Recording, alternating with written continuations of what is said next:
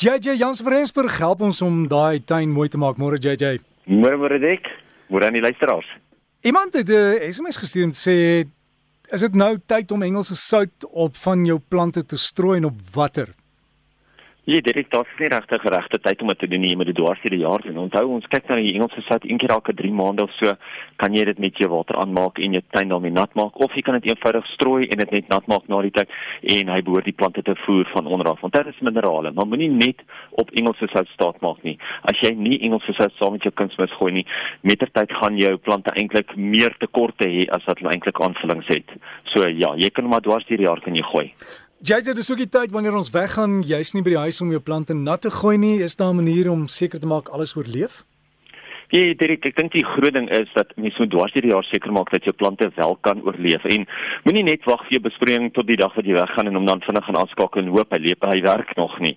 Maak jy seker 'n week of 2 of 3 voordat jy weggaan dat alles wel nog steeds 100% reg werk. Jy weet jy gaan staan daar so buite en gaan kyk hoe jy sproei hoe spuit jou sproeikoppies.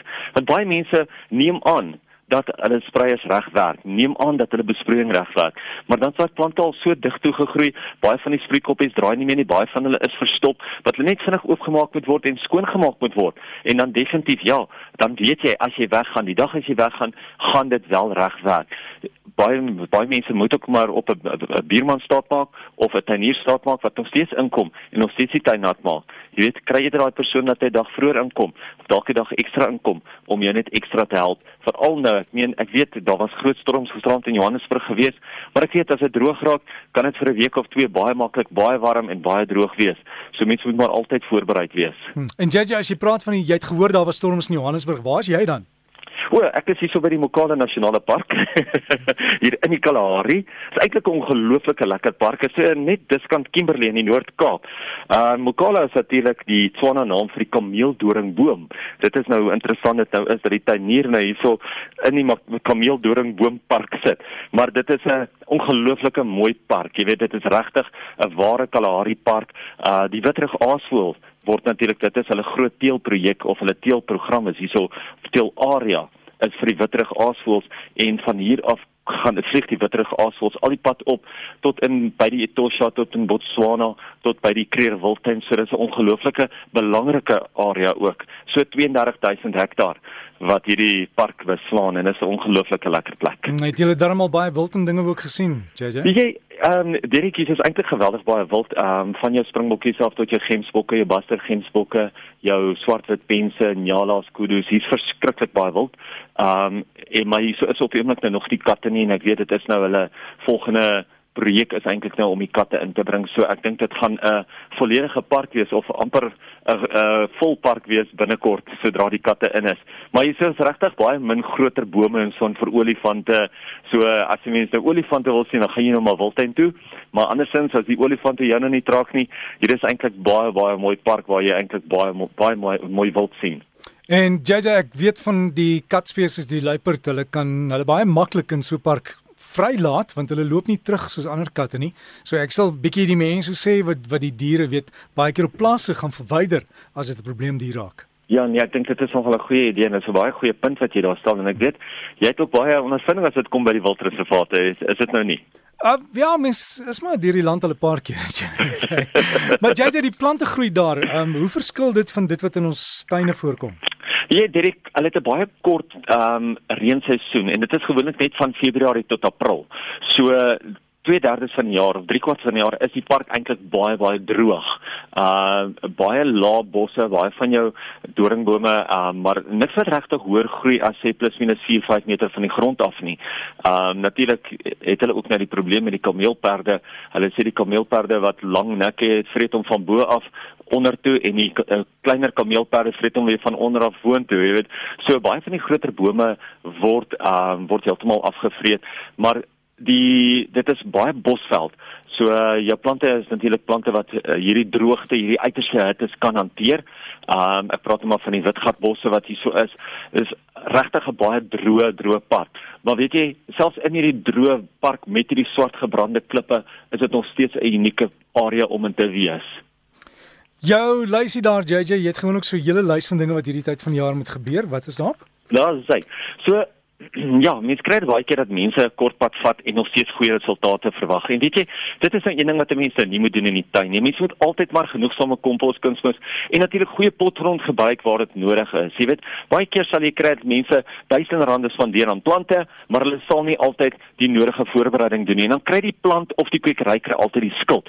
Maar jy weet, as jy nou kyk na die grondomstandighede waar ek is of die grondtoestand waar ek op die oomblik is, dis net 'n dooie sand. En as jy nie hierso gaan jou kompos inwerk nie en baie ouens sit met dieselfde probleem by hulle huise. As jy nie gaan genoeg kompos, genoeg beenmeel, genoeg kunsmis insit nie, kan jy nie van daai plant uh, verwag om te floreer soos wat hy in die kwekery en in ander tuine floreer nie. En dit is nou maar net so. Hoe beter jou grond is, hoe beter gaan jou plante groei, hoe meer water gaan teruggehou word, hoe beter gaan jou ekosisteem om daai plant self wees. So maak asseblief altyd seker daarvan dat jy genoegsame organiese materie in die grond insit.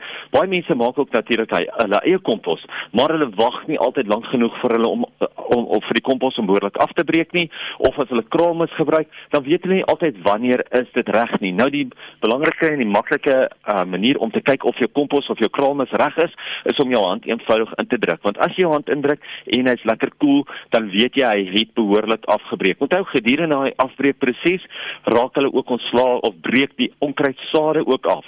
So as jy jou kompos baie vinnig tussen jou plante gaan inwerk, gaan jy nie net jou plante brand nie, maar gaan jy ook ongelukkig geweldig baie onkruidsade kry wat oral opkom en dan gaan jy natuurlik sê ja nee, ek gaan nooit weer my lewe kompos in my tuin insit of kramis in my tuin insit nie want dit bring baie onkruide saam met hulle.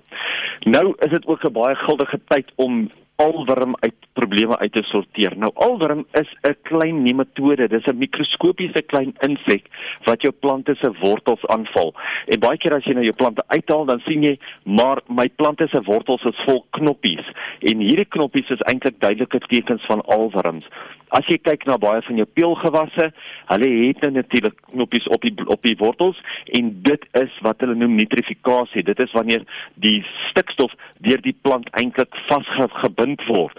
Uh so dit is 'n stikstofbinding. Maar as jy nou wel alwerm probleme het, kan 'n mens baie maklik net nou jou op 'n natuurlike manier daarvan ontslaa raak. En dit is nou deur jou afrikanertjies in die grond in te werk. Daai afrikaner saailinge wat 'n mens nou oral in die beddings kry, maak hulle bymekaar as hulle klaar saad geskiet het en so aan of as jy areas het wat jy regtig sukkel met al met alderms, kry afrikaner saad sommer nou saai dit vinnig en as die plante mooi groot is, dan kan jy die plante in die grond inwerk en dit maak nou toevallig die alwerm heeltemal dood op 'n natuurlike manier. So as jy groentetuin het en jy wil nie gifstowwe spuit nie, kan jy so daarvan ontslaa raak. Ons plant van die week vir hierdie week is een van daai tropiese rankplante. Amandevilla Love. Nou dit is 'n immergroeiende, immergroen, vinnig groeiende ranker. Hy doen die beste natuurlik in 'n lekker warm area. Hy maak massas pragtige pragtige rooi trompetagtige blomme in die warmer maande van die jaar. Hy groei van volson tot semi-skaduwee. Hy's ongelooflik vinnig groeiend en natuurlik as hy blom, is hy oortrek met blomme en is lekker groot blomme. So selfs al is jy ver van die plant af, kan jy nog steeds hierdie plant sien en hy vir jou baie kleur in die tuin bring. So kyk uit vir die plant van die week. Is 'n Mandevilla Love. Dit is jou een van jou rankers, jou tropiese rankers. En ek het ook daai inligting aan ons wetmeester gestuur, so RSG.co.za as jy bietjie daar gaan rondsoek, sal jy die inligting kry. Geniet jou tuin maak.